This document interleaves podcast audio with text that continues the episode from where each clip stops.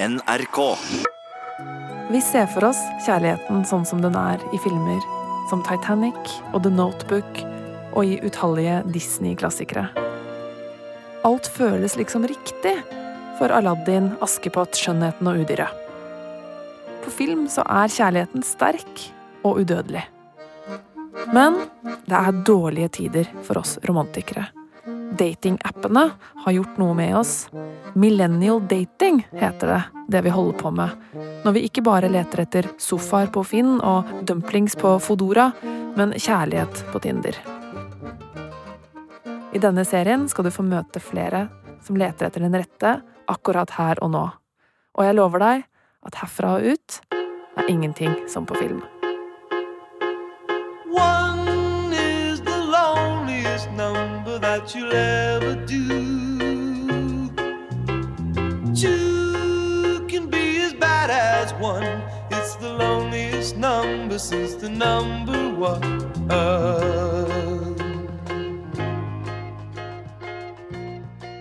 Jeg kan være veldig interessert i sex fordi man har det, behovet for bekreftelse. Og så eh, mister man det når man på en måte har Når det har kommet til mål. Ludvig liker bekreftelse fra jenter. Og gjerne den typen bekreftelse han ikke fikk da han vokste opp på Oslos beste vestkant, med briller. Jeg fikk briller var to. Det var, ikke, det var før hipstertiden. Jeg starter på ungdomsskolen sommeren til åttende klasse. Så har jeg fortsatt briller. Og det har, fått, det har vært måte, negativt nok. Det har vært litt sånn sett på som veldig nerdete. Og så får jeg i tillegg rødlig hår og krøller. Jeg tenker really? Altså, mener du det? Dette her er utgangspunkt. Ok, greit. Dette er mitt utgangspunkt. Jentene på skolen til Ludvig hadde kriterier. Og fravær av rødt hår og briller var et av disse kriteriene. Det var eh, merkelig nok veldig Jeg var sent ute, både i puberteten eh, og seksuelt. Jeg husker at noen sa til meg at eh, hvis ikke du har sex i russetida, da er det noe gærent med deg. Jeg hadde jo ikke sex i russetida, jeg. Jeg var veldig sånn good guy. Veldig, altså, jeg var friendzona i Almas. Men da Ludvig flytta til Trondheim og begynte på universitetet, opplevde han at studentjentene var litt modnere. Så ser man kanskje etter en person som faktisk er empatisk og, og snill, da, rett og slett, som er gentleman. Jeg går aldri inn en dør uten Altså før en jente. Det er bare sånne ting som jeg har bare blitt oppdratt til. Folk, jeg sier fortsatt gymnaset, fordi farmor altså skjønner du, det er bare sånn, Noen ting henger bare igjen. Ludvig blomstrer på universitetet. Han tar på seg verv, engasjerer seg, og for første gang i livet har han også draget. Det blir kanskje litt for mye for ham, for i åra som følger, er han en klassisk fuckboy. Bare for å ta det først. Fuckboy er et relativt nytt begrep. Før kalte man det jo for player eller rundbrenner eller Don Juan. Men nå, i 2019, er begrepet fuckboy overalt på internett. Today, I want to talk about something that we are all dealing with and talking about on a constant basis. That is fuckboys. If he asking you for nudes, he a fuckboy. If all of his conversations evolve around sex, he a fuckboy. I'm sick of the bottom of the barrel creeps. I'm over the douches and the fuck boys and the what have yous. I want one of the good ones. Det å være en troløs, sjarmerende type er jo ikke akkurat noe nytt. Slike har eksistert blant begge kjønn, det skal understrekes, siden tidens morgen. Karakteren Don Juan dukka opp i litteraturen allerede på 1600-tallet. Don Juaner finnes det jo ellers både her og der, og kvinnene skjuler slett sin henførte beundring eh, bak forargelsen. Men det er jo klart, det kreves et nytt navn når denne Don Juan-skikkelsen fra gamle dager kommer seg på Tinder. Forsøk på å gjøre Don Juan moderne. En fuckboy må ikke forveksles med en drittsekk. Det må ikke forveksles med en cheesy fyr på bar som blunker til deg, eller en som sender kleine åpningsmeldinger på Tinder. Sånne folk er det jo lette å spotte, og dermed å komme seg unna. Hele greia med fuckboys er at han lurer seg forbi garden din. Han vet hva han skal si. Og det er her Ludvig er god. Med snakkinga. For han er flink sosialt og vant til å snakke med jenter. Han vet hva han skal si for at de skal føle seg komfortable. Det er ikke planlagt, og han er ikke slem når han gjør det. Men på et eller annet plan, kanskje ubevisst, så vet han at oppegående jenter som han nå har rundt seg til alle døgnets tider, ikke nødvendigvis vil ligge med ham hvis han er helt ærlig på intensjonene sine. Så selvsikker er han ikke, han som ikke hadde sex i russetida. På denne måten blir han slesk, uten at han egentlig ser det selv, før det går så langt at vennene og broren hans reagerer. Og reaksjonene kom etter den historien vi skal fortelle om her nå, om Ludvig og ei jente han møter i Trondheim. Hun gikk alltid veldig smart kledd. Skjorte, bluse og, og sort bukse. Så ut som hun jobbet i, innenfor finans eller et eller annet sånt. Ludvig hadde tatt på seg å være fadder for de nye studentene høsten 2013. Det var eh, ei jente i fadderkullet, ei alvorlig jente, som likevel lyste opp når han snakka med henne. Hun var søt, men ikke hans type. For seriøs.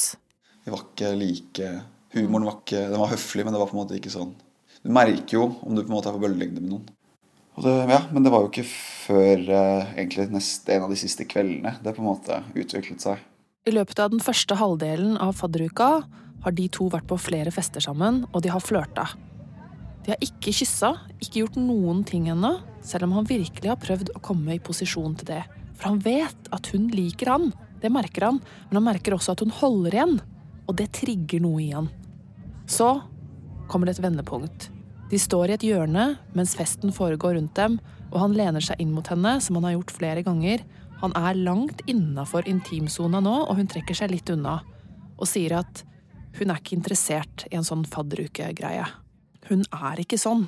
Hun sa at eh, jeg vil ikke at dette skal være useriøst. Jeg vil ikke at dette skal være noe som bare varer i fadderuken. Han blir alvorlig. Der, inne i intimsona hennes, blir han helt alvorlig og sier akkurat det hun vil høre. Og da sa jeg bare at det overhodet ikke var slik eh, jeg tenkte på det. Og da han sier det, at dette ikke er en fling, bare et hookup i fadderuka, nei, nei, dette er noe mer. Han liker henne. Jeg husker at jeg tenkte at nå lyver jeg henne opp i ansiktet. Og reaksjonen hennes er tydelig. Hun ble lyste litt opp, kanskje. Ble nok litt happy. Og det gjorde ting egentlig var veldig mye verre.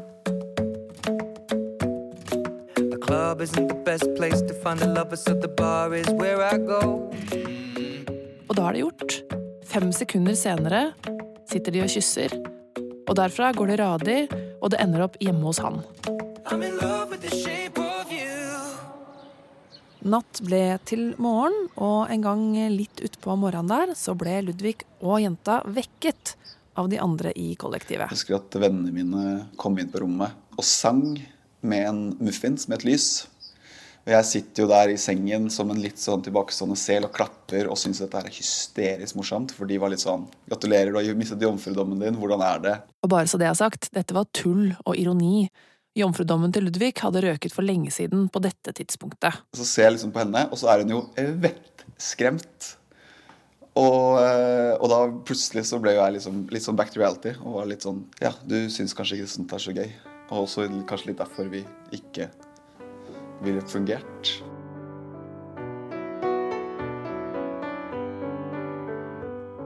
Han hadde jo lovt henne at dette ikke skulle være en fadderukegreie, så utover høsten fortsetter de å møtes. Jeg var på en måte aldri, aldri den som tok kontakt. I hvert fall ikke Edru er det han egentlig skal si her. Det var mye, det var mye alkohol involvert, ja. Den dårlige samvittigheten blir litt borte med alkoholen. Jo høyere promille, jo mindre. Og da er det veldig fort gjort at man sender den meldingen og spør hvor er du. For å forstå hvor kjipt og forvirrende det kan være å bli utsatt for en fuckboy, må vi gå inn i jentas hode og se for oss hvordan denne høsten var for henne. For henne var jo dette høsten hun var forelska i Ludvig, og alle sangene hun hørte på, minna om ham. Jeg ser for meg at hun var mye urolig disse månedene, at hun sjekka telefonen sin idiotisk ofte, og at hun spilte av inni hodet sitt scenen fra Samfunnet om og om igjen. Han hadde jo sagt at han var interessert i noe mer, han sa jo det. Jeg ser for meg at hun ringte bestevenninna si den dagen hun kom hjem etter å ha sovet over hos han for første gang, for hun måtte liksom fortelle det til noen. Og da kunne hun le av episoden med muffinsen og lyset. Til venninna så kunne hun også si at hun virkelig likte denne fyren. At hun trodde det kunne bli noe. Men hva skulle hun gjøre nå? Skulle hun vente på at han tok kontakt? Hun ville jo ikke virke desperat, men hun kunne kanskje sende melding etter noen dager hvis ikke han hadde skrevet. Og det var det hun gjorde. Tre dager senere, eller fire eller fem, så var det hun som sendte en melding. Og da svarte han, helt kort, uten å stille noen spørsmål tilbake. Men så senere på kvelden, da får hun en melding med spørsmålstegn, nemlig Hvor er du? En runddans av tvil og håp var satt i gang. De møttes sent på kvelden, og da var han varm. Men på SMS var han kald. Hun ble ikke klok på ham, og hun grubla sikkert altfor mye denne høsten og skrev sikkert 100 tekstmeldinger hun sletta før hun sendte dem.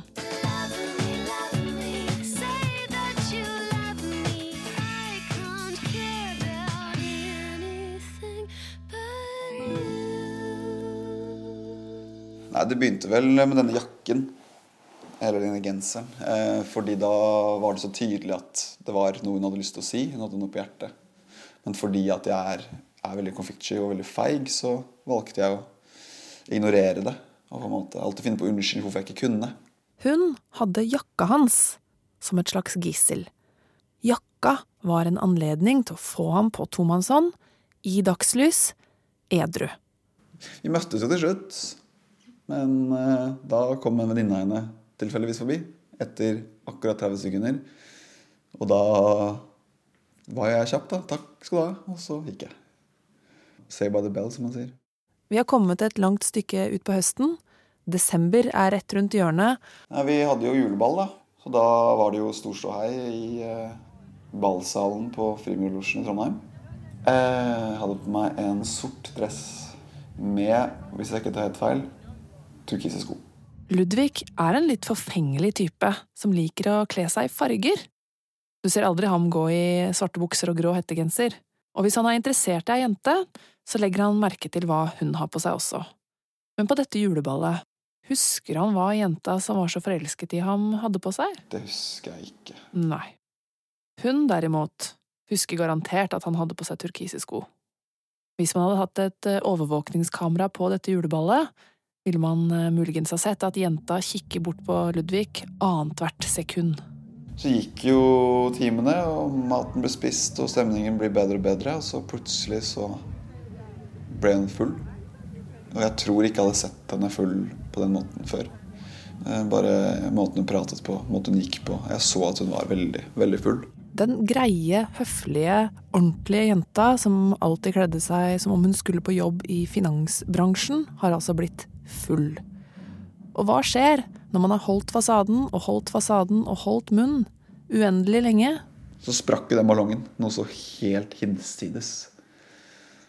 Vi går på en måte til et av hjørnene på en måte, i, i salen der. Så begynner hun å kle av seg. Og så spør jeg hva i alle dager er det du driver med. Nei, hun hadde lyst til å ha sex der og da. Jeg prøver meg alltid på humor. Liksom, tuller du nå? Og da så jeg på henne at hun bare Da var hun drittlei. Så da sa hun at hun elsket meg.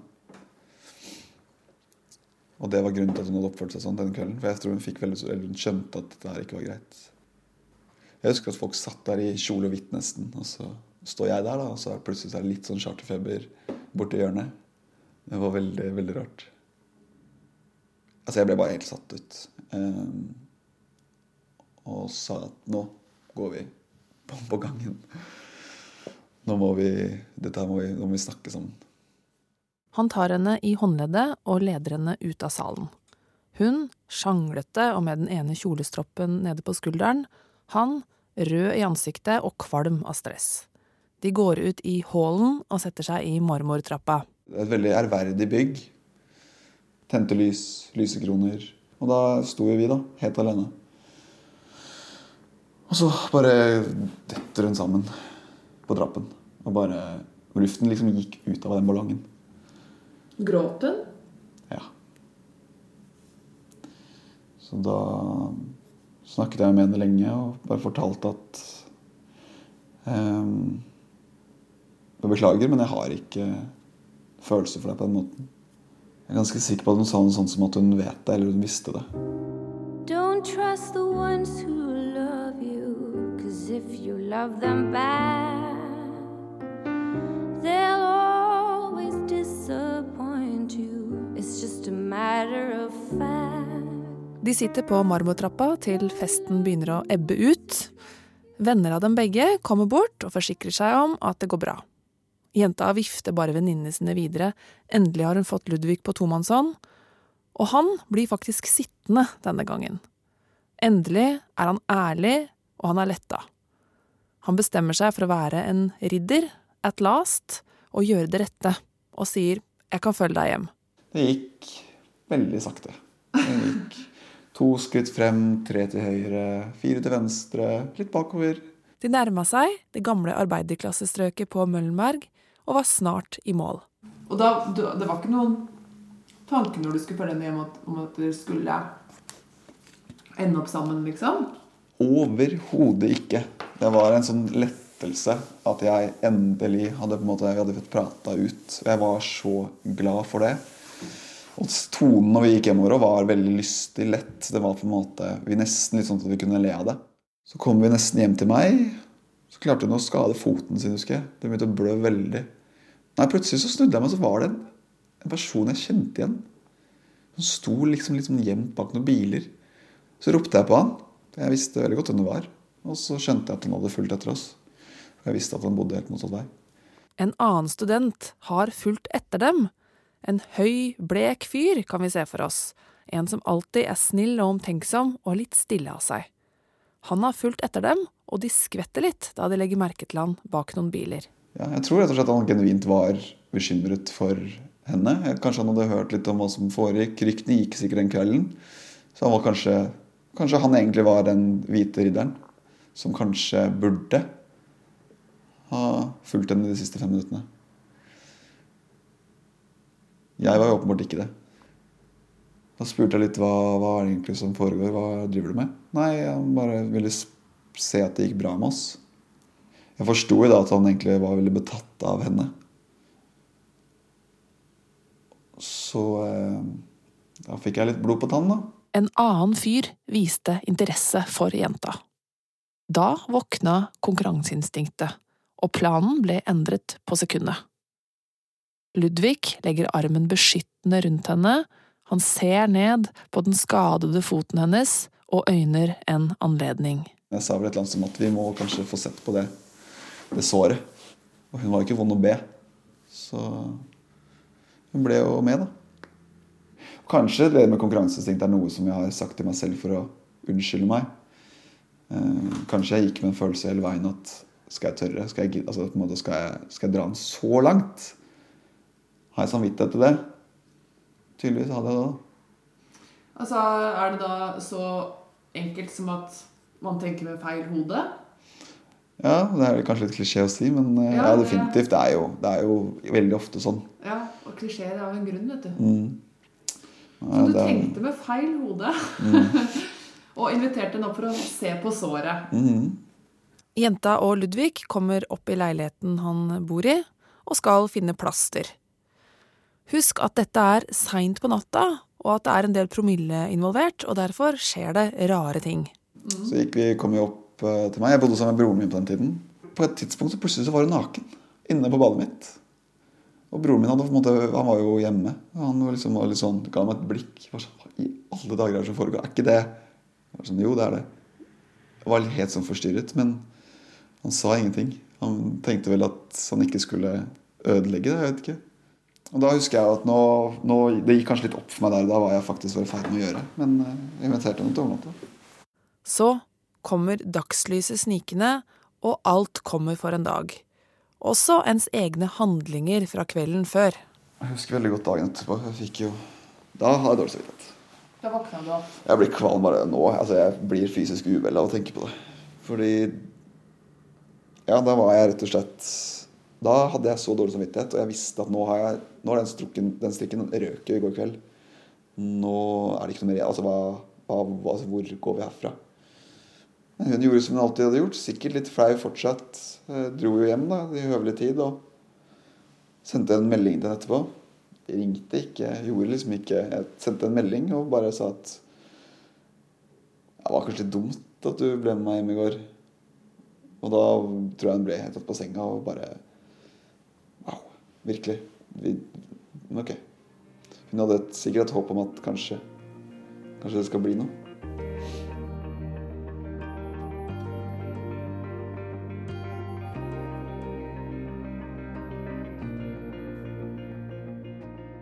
Det blir mandag, og Ludvig er tilbake på universitetet. Skjedde det vel ikke noe mer enn helgen, men på mandagen så dro jeg på skolen da. Og da spurte jo Folk hadde på en måte fått med seg hva som hadde skjedd. De hadde på en måte fått med seg at ting ikke gikk helt bra, men at jeg på en måte tok det veldig alvorlig der og da. Og så snakket jeg med to av de av de som jeg på en måte var veldig gode venner med. Og faddere sammen med. Og fortalte situasjonen. Og hun som jeg fortalte til, hun satt hele tiden og ga meg et litt sånn blikk. Og så spurte jeg liksom Fordi det var jo veldig tydelig etterpå at jeg hadde utelatt en del Jeg hadde på en måte prøvd å altså på en måte gå veldig omveier for å slippe å fortelle om den siste biten av den turen hjem. Så da spurte hun bare Du lå ikke med den kvelden? Og da sa jeg at eh, Med litt sånn skjelvende stemme at eh, jo. Og da bare begge de to, som har så høye tanker om meg, de bare Det var nesten sånn at de måtte ta, liksom, ta hodet i hendene og bare Hva i alle dager er det du driver med? Det var først da det gikk opp for meg hvor Ja, hvor jævlig jeg hadde vært. Slutten på denne historien ligger badet i skam. En angrende fuckboy som fortsatt, flere år senere, blir kvalm når han tenker tilbake på hvordan han behandla ei jente som var forelska i seg. Ja, jeg har jo Jeg møtte henne jo Jeg holdt på å si etter det. Jeg har jo Senest i fjor så så jeg henne et par ganger. Vi var ute på samme sted. Og jeg altså jeg, jeg klarte ikke å nesten se på henne engang. Jeg hadde så dårlig samvittighet. Uh, jeg husker hun kom bort til meg en gang på Bermuda på Solsiden og spurte liksom litt sånn hånlig Går det bra, eller? Så sa jeg bare at nei, jeg, jeg klarte ikke å få fram et ord, jeg som egentlig er så flink til å snakke for meg. Jeg, og så uh, sendte jeg en melding, en lang melding, en, senere en, en helg hvor jeg på en måte ba om unnskyldning. Og den meldingrequesten, den declina hun glatt. Bra. Så den meldingen så hun aldri. Og det husker jeg at jeg, jeg ble veldig glad for det. At hun ikke så den? At hun valgte å Fordi da fikk hun Ja, hun fikk en liten seier. Det var på en måte Da var det plutselig jeg som hadde et behov for kontakt og for å forklare meg. Men eh, Nei. Det fikk jeg på en måte ikke utløp for. Og det er jo definitivt bare rettferdig.